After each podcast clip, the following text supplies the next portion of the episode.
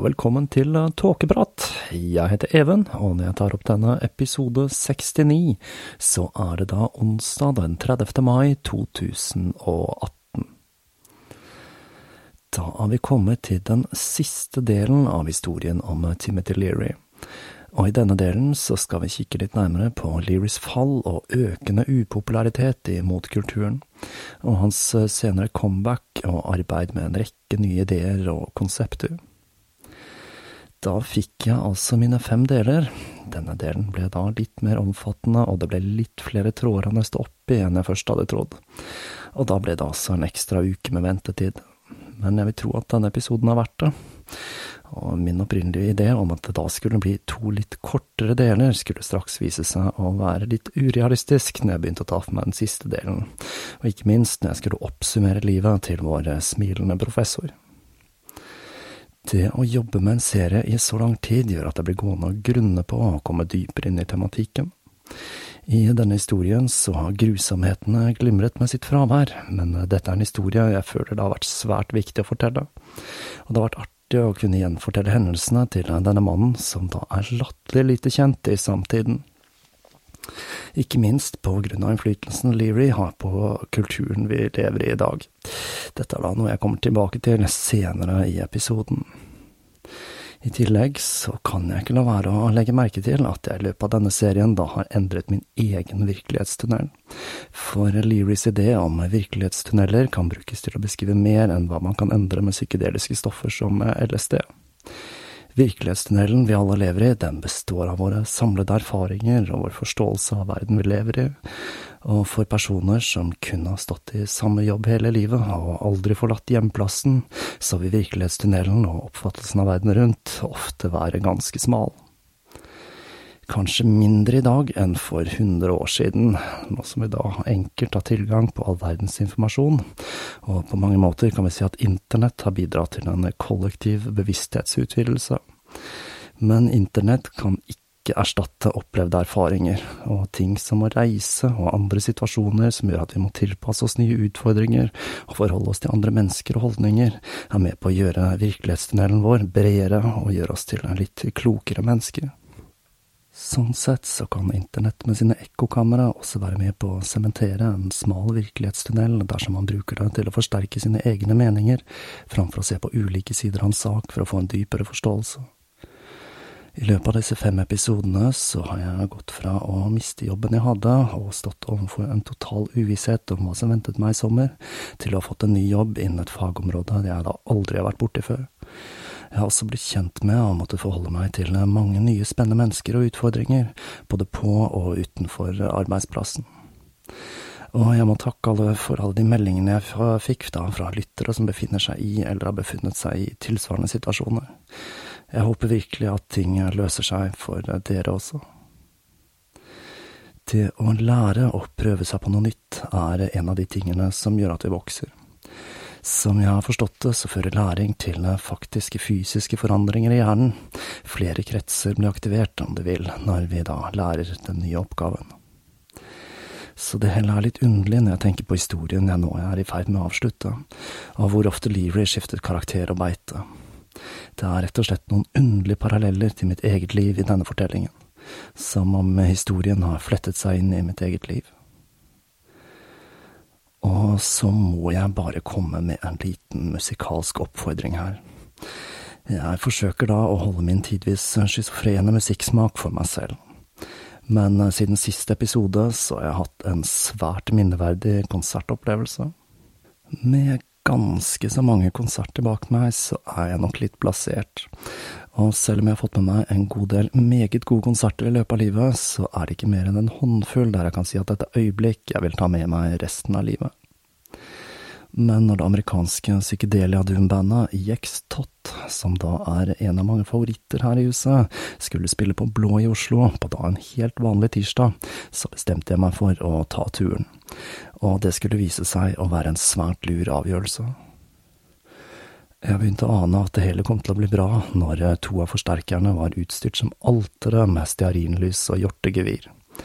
Og da frontfigur og seremonimester Jessica Bowen entret scenen i en ritualkjole med cape og en tommelfingertykk røkelsepinne i fyr og flamme, ble forventningene innfridd.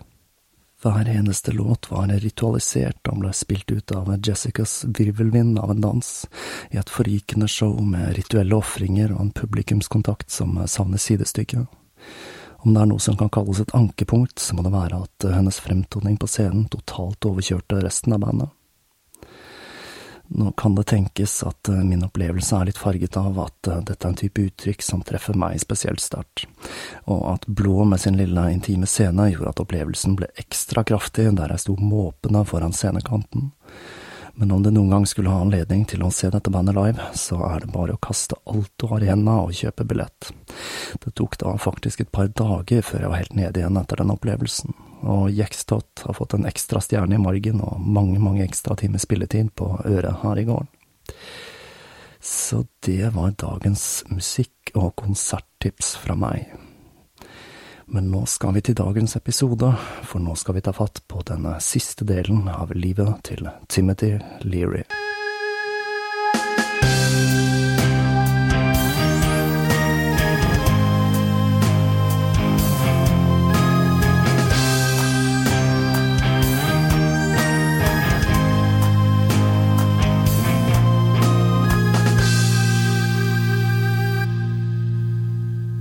Den første perioden i Folsom så ble Leary satt i avdeling 4A, den for de verste og farligste fangene i det amerikanske fengselsvesenet.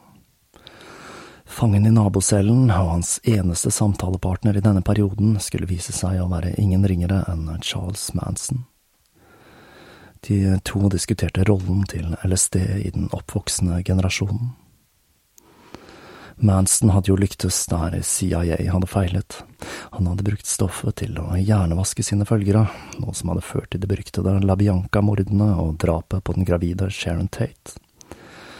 Manson kunne ikke fatte og begripe hvorfor Leary hadde brukt stoffet til å manipulere de hordene av ungdom som fulgte han og hans lære. De to ikonene, det mørke og det lyse, ble observert av fengselspsykologen dr. Wesley Hiller i denne perioden, han kunne rapportere at det var flere likheter og ulikheter mellom de to. Begge var stormannsgale, noe som har en tendens til å være et karaktertrekk blant personer som tar store mengder LSD. I tillegg så hadde de begge narsissistiske personlighetstrekk. Men bortsett fra det så var Manson psykotisk med sterke psykopatiske tendenser, mens Leary hadde et veldig jordnært grep på hverdagslige ting og ikke minst så var det en enorm forskjell i kvinnesynet til de to. Der Manson så på kvinner som noe å forakte å bruke, så var Leary, som i sin ungdom, genuint glad i og respekterte de. Det må ha vært noen underlige samtaler mellom de to der cellene i dypet av Folsom, i den mørke stavkroken i det amerikanske fengselssystemet. I biblioteket kom Tim over en bok som handlet om verdensrommet og der kom han over et konsept som skulle bli svært sentralt i livet hans. I denne boken kunne han se en tegning av et nukleinsyremolekyl, et av byggesteinene til livet på jorden, som hadde blitt funnet i en meteoritt. Nå ble han besatt av ideen om panspermia, altså at livet på jorden stammer fra organisk materiale fra rommet. Dette er en idé som er langt mer respektabel i vår tid enn den var når Leary fattet interessen for den da man senere har funnet flere av ingrediensene som utgjør organisk liv på meteoritter. En idé som vi har i dag, er at livet på jorden kan ha startet på Mars, og så kan ha blitt fraktet med en meteoritt til jorda, noe som gjør det å søke etter liv på Mars til en fryktelig spennende affære. NASA skal sende opp en ny rover i 2020, som nettopp da skal lete etter spor etter liv, og som da kanskje kan gi oss svaret på nettopp dette spørsmålet. Denne ideen hadde blitt strukket enda lengre enn til kun å omfatte organiske molekyler av Francis Crick, som sammen med sin kollega oppdaget strukturen til DNA. Han hevdet at DNA var så komplisert at det neppe kunne ha utviklet seg i løpet av den tiden livet hadde hatt til å utvikle seg på jorden, og at livet her kunne ha blitt satt i gang av intelligente romvesener kommer da tilbake til denne Kvikk senere, for han spiller da en rolle i historien om LSD og Timothy Leary. Dette hørtes ganske far out når det kom fra en nobelprisvinner, og når det kom fra en mann som da fortalte at han var en slags tidsreisende, så hørtes det fullstendig gale-Mathias ut. Han mente da at dette kunne forklare de tre øverste nivåene i bevissthetsmodellen sin. Da de fire første sørget for grunnleggende overlevelse, så virket det da som om de tre øverste hadde med en tilværelse i det ytre rommet å gjøre. Ifølge Leary sin teori så drev livet ut i rommet til det fant en planet der det kunne overleve på, og hvor det da utviklet sentralnervesystemer og passende kropper før det igjen søkte tilbake til rommet for å spre seg. Når han slapp ut fra isolat, så begynte han å fortelle om sin eh, nye idé til medfangene sine. Han klarte da å samle en liten gruppe som syntes dette var en spennende idé, og ikke minst et kjærkomment avbrekk fra monotonien i fengselet. De adopterte da nukleinsyremolekylet som sitt symbol, og døpte det Starseed. Og en av fangene i gruppen broderte til og med symbolet på en skjorte som han ga til Tim. Og nå skulle Timothy Leary bli en profet for da han leste i New York Times at kometen Kahutek hadde entret solsystemet, og det ble sagt at denne skulle bli det mest spektakulære synet på himmelen i hele historien, og at den skulle bli synlig om kun noen få måneder, så ble han sikker på at dette måtte være et tegn. Et signal fra en utenomjordisk bevissthet på at hans tidligere forsøk på å løfte menneskeheten opp på et nytt bevissthetsnivå endelig var i ferd med å bli virkelighet. Den var kommet på grunn av han, Timothy Leary, mannen som hadde løftet menneskeheten inn i den nye fasen ved å popularisere LSD. Og den som var så heldig med å få oppgaven med å spre Tims nye New Age-budskap, det var Johanna. Etter den intense tiden de to hadde tilbrakt sammen, og den møten, måten de møttes på, og ikke minst de uhorvelige mengdene med LSD de hadde tatt sammen, så gjorde hun alt hun kunne for å samle inn penger og spre oppmerksomhet om saken for å få Tim ut av fengsel. Med Tims nye idé så startet hun en organisasjon som het Starseed Information Center, som i tillegg til å gi ut Neurologic, ga ut noen av hans nye ideer om panspermia. Hovedkvarteret til denne organisasjonen ble da for øvrig betalt av Francis Ford Coppola, som var et stort fan av Leary.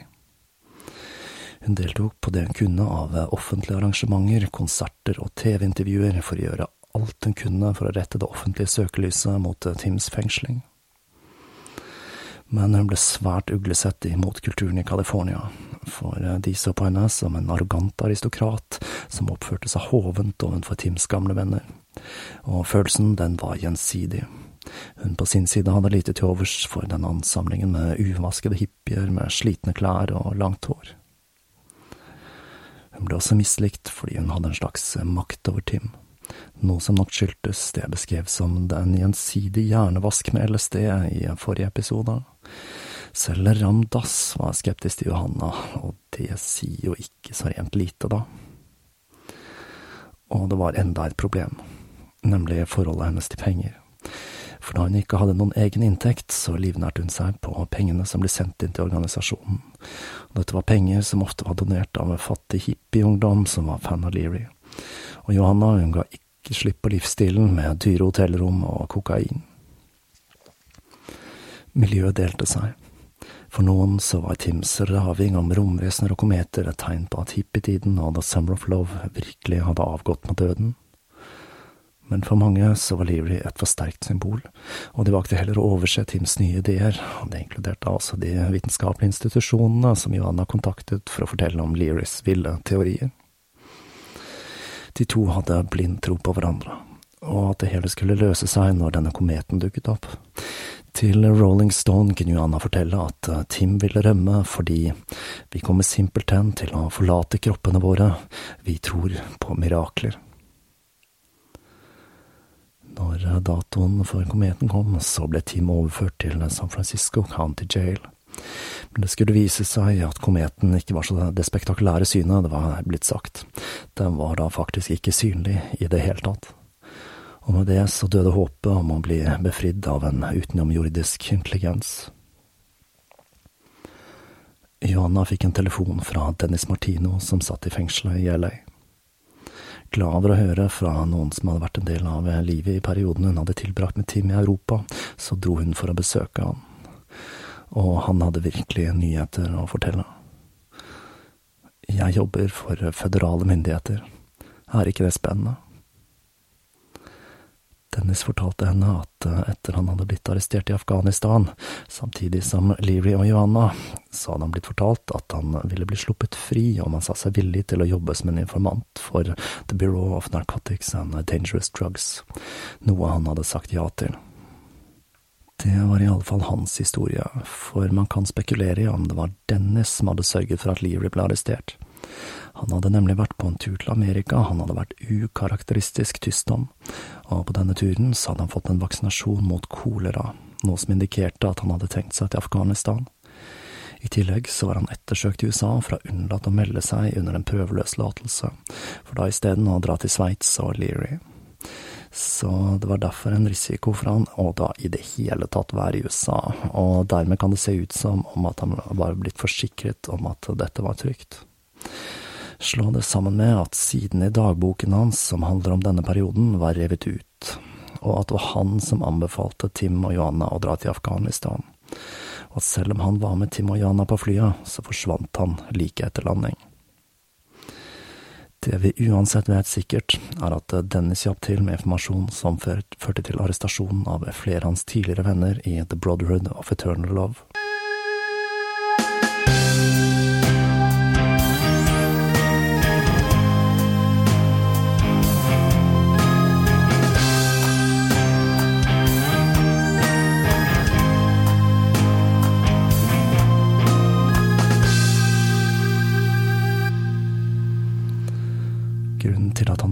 Kontakt med Johanna var enkel.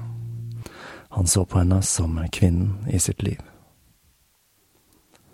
Dennis hadde nemlig som sin bror alltid sett veldig opp til Leary, og han ønsket desperat å få den samme anerkjennelsen som Ramdas eller Brian Barrett. Men for Leary så var Dennis kun en artig fyr med mange gøyale skrønerhistorier. Og ved å forsøke å bli Johannas elsker, så følte Dennis at han kunne komme nærmere Leary ved da å få den kvinnen som sto Leary nærmest. Men til tross for at Johanna hadde en rekke både elskere og elskerinner i denne perioden, da hun syntes det var ensomt i Amerika, så avviste hun Dennis, som stadig ble mer pågående og besatt av henne. Men den saken skulle snart endre seg. Johanna forsøkte alt hun kunne å få tak i nok penger til å kausjonere ut mannen sin, og da en rik undergrunns-LSD-produsent spurte henne om hun visste hvor man kunne få tak i ergotamintartrat, som da altså var en viktig del i produksjonen av LSD-en på det svarte markedet, så svarte Johanna at det visste hun, og hun spurte hvor mye han var ute etter. Han svarte at han trengte tre kilo, og var villig til å betale 60 000 dollar for det hele. Johanna visste selvsagt ikke hvordan man skulle få tak i dette kjemikaliet, men når hun stakk ut med Dennis om avtalen hun hadde gjort, så la de to en plan. Etter hun hadde møtt kjemikeren på et hotellrom hadde fått de 60 000, så ga hun ham to nøkler. En til et annet hotellrom, da nummer 666. Enda en Crowley-parallell, altså. Og den andre til en koffert i rommet som skulle inneholde kjemikalier. Hun sa at hun hadde gjort dette fordi det ikke var trygt å oppbevare pengene og stoffet i samme rom. Da mannen gikk for å hente kofferten, som da selvsagt var tom, så smatt Johanna inn på naborommet hvor Dennis ventet med noen linjer heroin de to sniffet. Mens de lå der i opiattåken, så hørte de den illsinte mannen romstere rundt i frustrasjon over den tomme kofferten. Og med det så ble de to elskere. Med lommene fulle av penger så dro Johanna til Tims advokater, som fortalte at beløpet ikke var i nærheten av å kunne kausjonere ut Leary og siden hun plutselig satt med en stor slump med penger mellom hendene, så bestemte hun seg like så godt for å bruke det hele på seg selv. Forsøkene på å befri Leary ble stadig mer desperate og fantasifulle. Her finner vi da et par ganske artige historier, som når tilhengerne hans rundt hele verden mediterte for å forsøke å få murene til fengslene til å dematerialisere seg. Og det kanskje aller beste forsøket var når en hippie fra Midtvesten fortalte at han kunne bygge en flygende tallerken, og Johanna la en plan der hun skulle sitte naken i den flygende farkosten, kun iført hvite hansker og en hagle. Denne skulle da lande i luftegården med blinkende lys mens den spilte A White Shade of Pale, og hun skulle da redde Leary, og de to skulle fly inn i framtiden.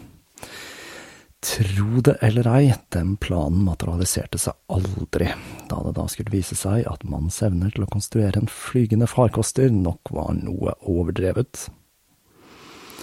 Så mens månedene skred frem, så innså Tim at den eneste måten han kunne slippe fri, var å bli overført til et lavsikkerhetsfengsel à la San Luis Obispo, og nå innså han at det kun var én ting han kunne gjøre for å nå det målet.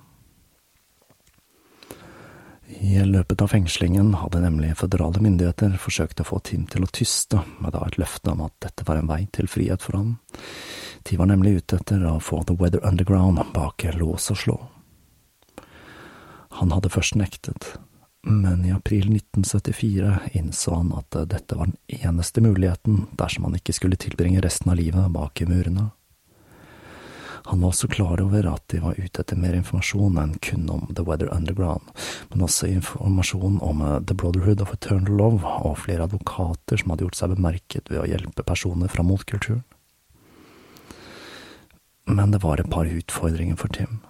For det første så hadde han ikke den informasjonen de var ute etter. Selv om han hadde tatt The Weathermans sak, så kjente han ikke noe mer til det enn hva han allerede hadde fortalt i The Diary of a Hopefiend og han kjente svært lite til hva The Brotherhood of Eternal Love hadde revet med etter Griggs hadde dødd og organisasjonen hadde blitt den profesjonelle mafiaen de nå var. Den første oppgaven han fikk, var at han sammen med Johanna og Dennis skulle lage en felle for advokater som hadde vunnet en rekke rettssaker hvor de forsvarte personer fra motkulturen. Tim fikk beskjed om å ringe de og be om at de skulle hjelpe Johanna med noen juridiske saker. Johanna på sin side skulle bære en skjult mikrofon og forsøke å overbevise de om å selge henne kokain, slik at de ble fengslet og ikke lenger kunne praktisere. Dette skulle være ildprøven for å se om han var villig til å samarbeide. Mens de la disse planene, så gjorde myndighetene et grep. De spredde historien om at Leary tystet til Newsweek, og med det så spredde paranoiaen seg imot kulturen. Planen var å sverte Leary, og det lyktes de med. Sannheten er at informasjonen Leary ga de, og den var det mye av, var et eneste stor blindspor. Han hadde til og med klart å sende en kodet beskjed til The Weather Underground i forkant, for da advarer advare de om hva som var i ferd med å skje. Men dette visste verken myndigheter eller de som leste den nyhetsstormen som kom i kjølvannet av tystingen. Johanna var svært god som dobbeltagent for FBI og en av advokatene, George Kula, ble overtalt til å selge henne kokain og marihuana hun betalte for med merkede pengeceller. Han ble senere funnet skyldig i besittelse av marihuana og ble dømt til 45 dager i fengsel. Men Learys håp om å bli flyttet til et lavsikkerhetsfengsel gikk opp i røyk. Han ble flyttet fra fengsel til fengsel og ble stadig mer desperat. En dag Johanna var på besøk, så ytret han ordet pistol. Johanna har kjøpt en 38 revolver på det svarte markedet. Hun gjemte den i støvletten sin når hun og Tim ble kjørt rundt av en US Marshal og en FBI-agent for å vise hvor han hadde blitt skjult av The Weather Underground. Mens de to satt der i baksetet, så falt 357 magnumen til FBI-agenten ut av hylsteret og ned på gulvet mellom Tim og Johanna. Tim fisket det tunge våpenet opp fra gulvet og så på henne. Han beskrev det hele senere. Hun eh, så på meg med barnslig forventning, en pen tolvåring som var klar for å dra på sirkus. Jeg ventet, politifolkene skravlet, det var alle fangers ønskedrøm. Leary tok revolveren og pakket den inn i en utgave av San Francisco Chronicle som lå i baksetet. Han rakte avisen til FBI-agenten og klappet ham på skulderen med et smil. Johanna ble målløs. Ikke bare ga han våpenet tilbake, men han gjorde det diskré, slik at agenten ikke skulle bli forlegen over å ha vært så uforsiktig med våpenet. Da de to agentene låste de to inn i bilen mens de gikk for å pisse, så diskuterte Leary og Johanna situasjonen. Var de klare for å drepe? Hva om de ikke var raske nok til å skyte? Hva med familiene til politimennene de hadde tenkt å drepe? Leary sa. Er du klar over at om vi dreper de og stjeler bilen, så må vi drepe de neste vi kommer over, og de neste etter det? De så på hverandre og ble klar over at dette var noe som ikke kunne gjennomføres.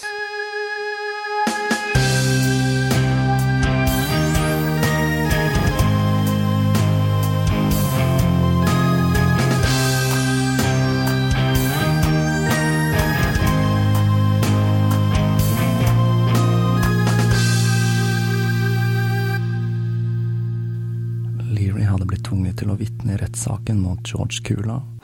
Han hadde fortalt at han en gang hadde fått en liten bit hasj av George, og da spist denne. Et eh, typisk Leary-vitneutsagn som hadde lite å si for sakens utfall, da beviset var spist opp og borte. Men dette hadde vært en bevisst strategi fra myndighetenes side, for de spredte nyheten om at Leary hadde bidratt til fengslingen av advokaten, og med det så spredte paranoiaen og harmen mot Leary seg til nye høyder.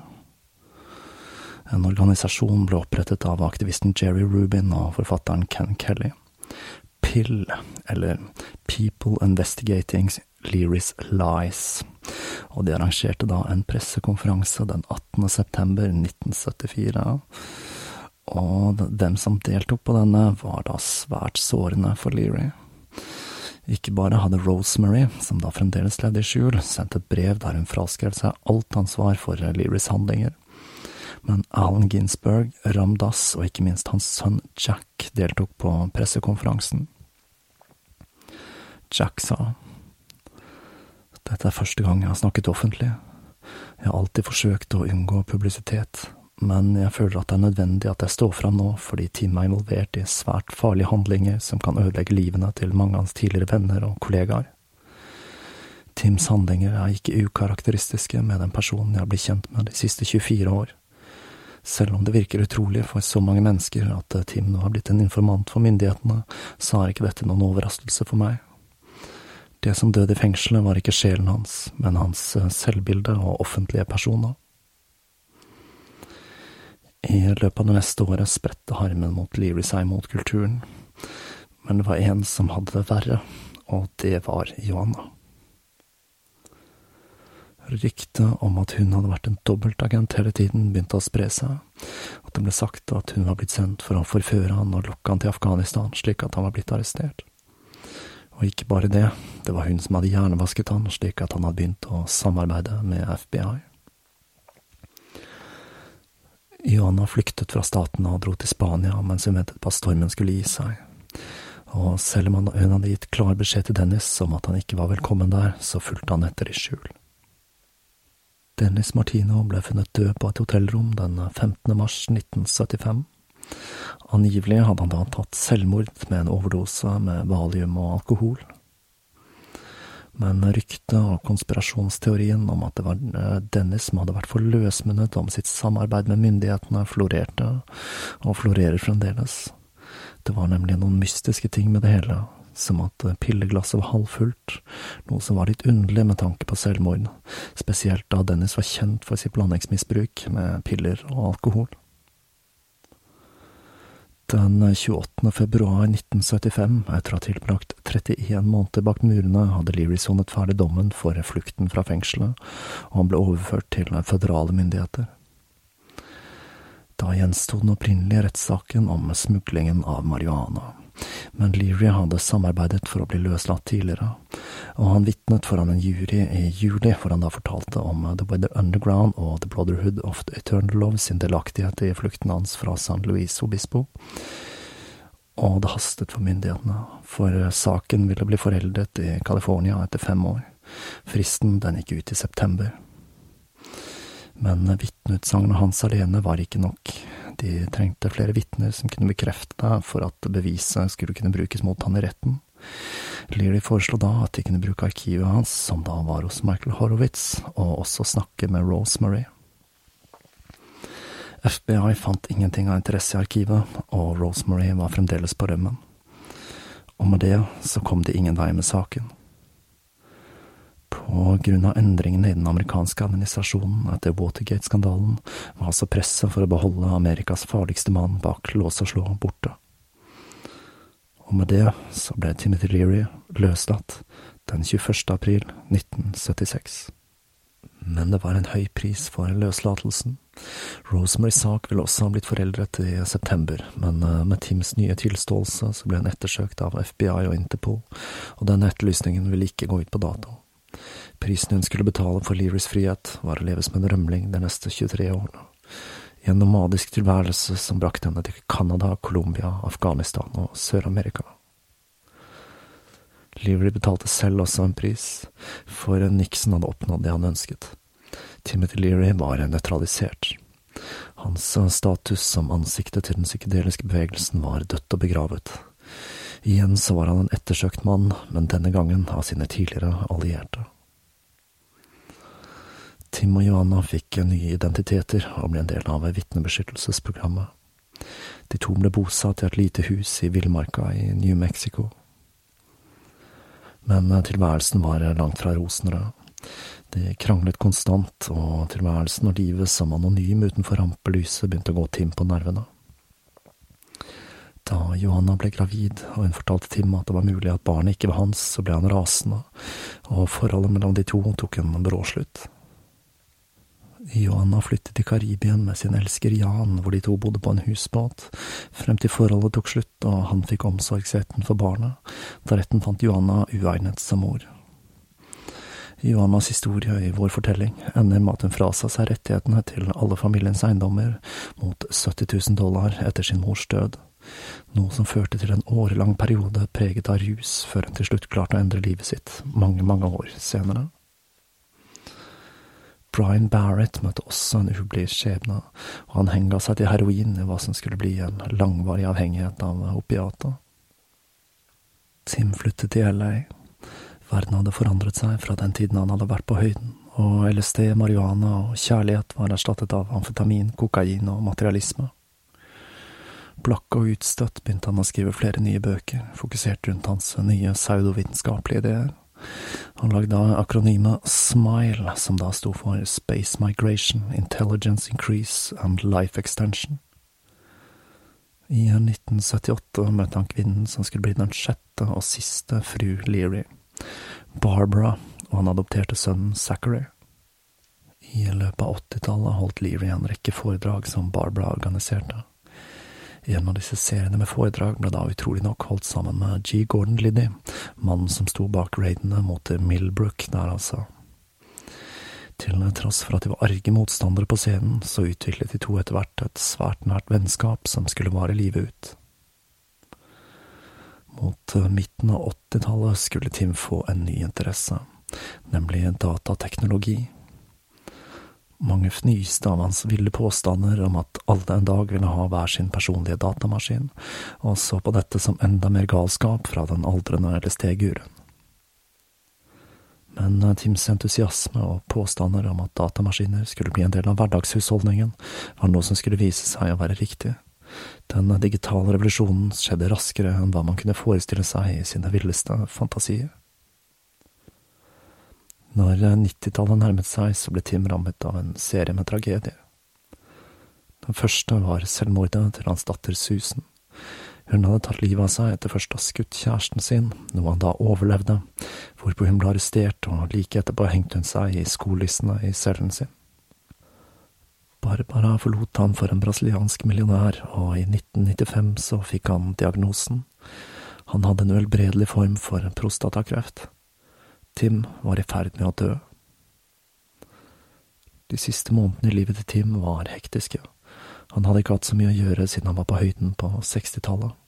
Han var igjen en svært ettertraktet person, og det var kanskje hans holdning til døden som gjorde det hele ekstra pirrende. Han sa nemlig jeg har sett frem til å dø hele livet, og at eh, selv om du har levd som en slask, så kan du dø med stil. Og i kjent Leary-stil så spredde han en rekke rykter om eh, hvordan han hadde tenkt til å dø.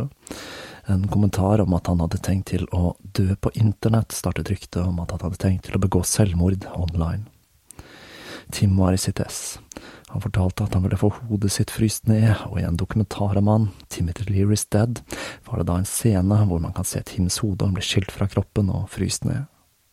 Flere av hans gamle venner og kjente dukket opp igjen i denne perioden, ikke minst Rosemary, som hadde tatt kontakt etter Susans død.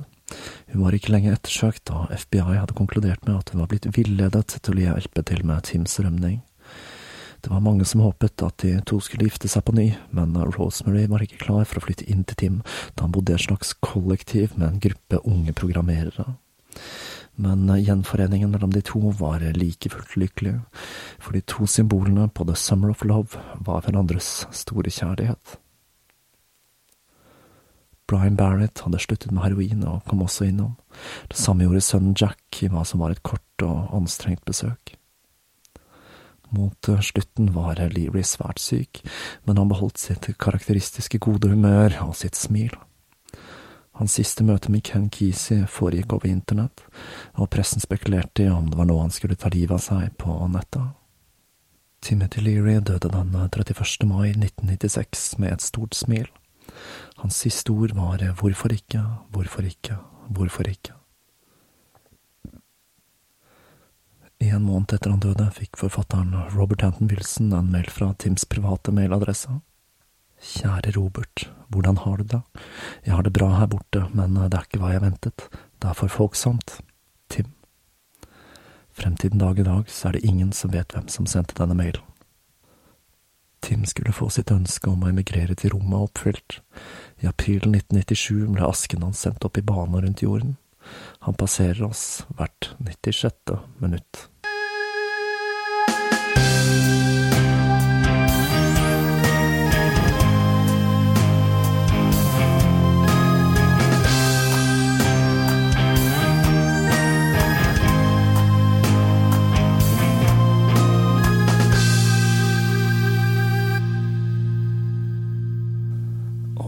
Det var historien om livet til Timothy Leary. Nå skal jeg se litt på hvilken betydning Leary hadde for eh, vår kultur og vårt samfunn. Som jeg startet denne serien med å si, så var Leary verken en helgen eller en farlig kriminell. Learys skiftende personlighet og malstrøm av ideer gjorde at eh, mange i hans omgangskrets led under hans egosentriske vesen. Hans første kone Marianne tok livet av seg, det samme gjorde hans datter Susan. Rosemary måtte tilbringe årevis på rømmen som en følge av hans handlinger, og Johanna ble hengt ut som en syndebukk og tyster som en konsekvens av forholdet til Leary.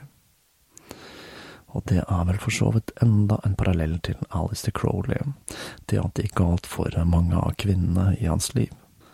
En annen svært negativ konsekvens er det årelange totalforbudet mot forskning på psykedeliske stoffer, som må kunne ses da som en direkte følge av Learys tilnærming til disse, og det er da kun i de senere år at man igjen har begynt å se på potensialet til disse stoffene.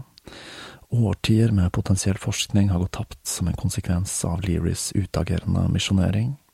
I disse dager er forskningen på psykedeliske stoffer i vinden som aldri før, med da ting som journalist og forfatter Michael Pollan sin nye bok How to Change Your Mind, What the New Science of Psychedelic Teaches Us About Consciousness, Dying, Addiction, Depression and Transcendence.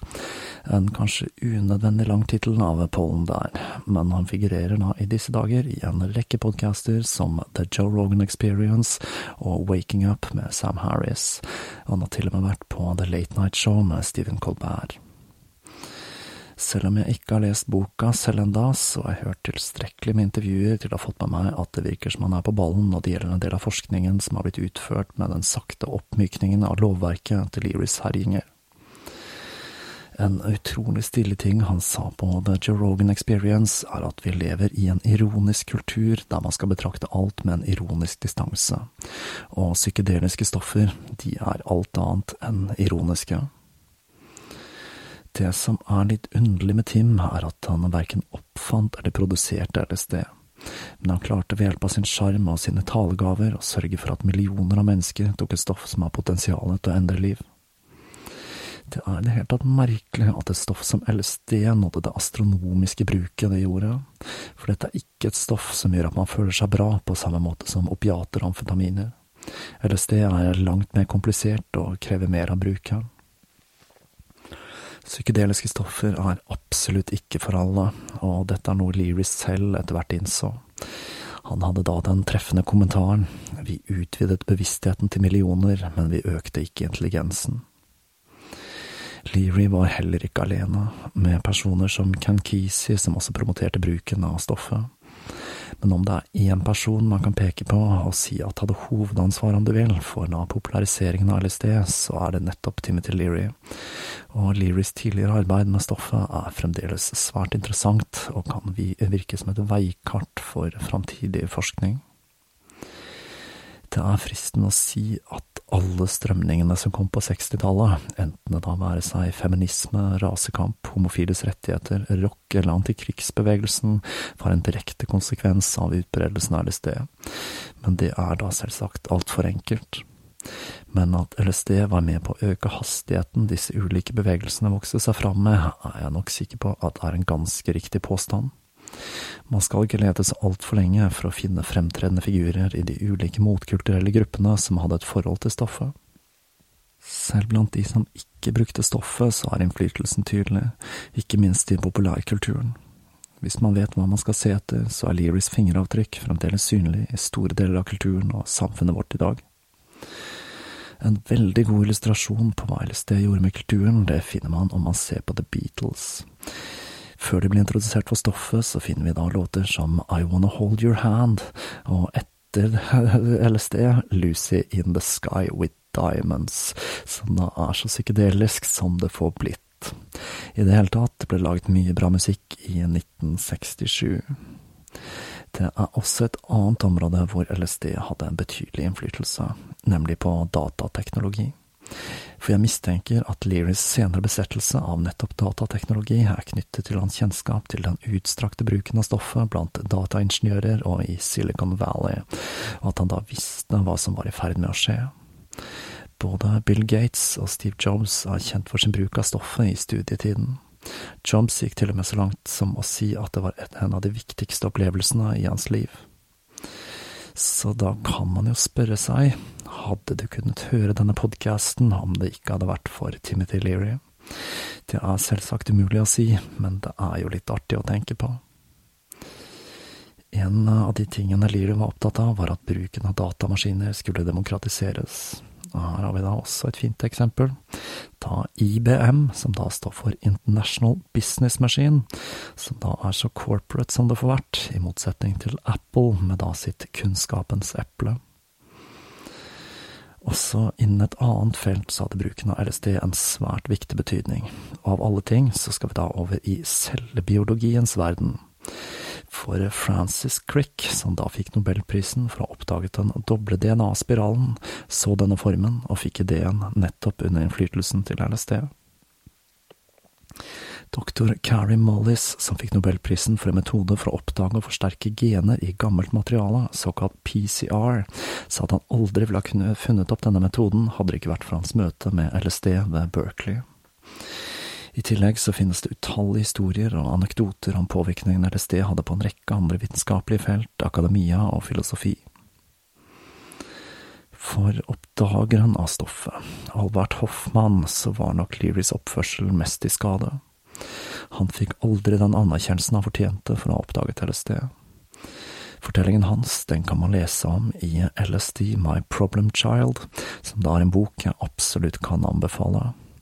Hoffmann var til det siste overbevist om at LSD var en svært viktig oppdagelse og skulle spille en sentral rolle i forståelsen av den menneskelige bevissthet. Hoffmann var overbevist om at det at det er aktivt i så minimale doser, tyder på at det har med selve senteret til den menneskelige bevissthet å gjøre.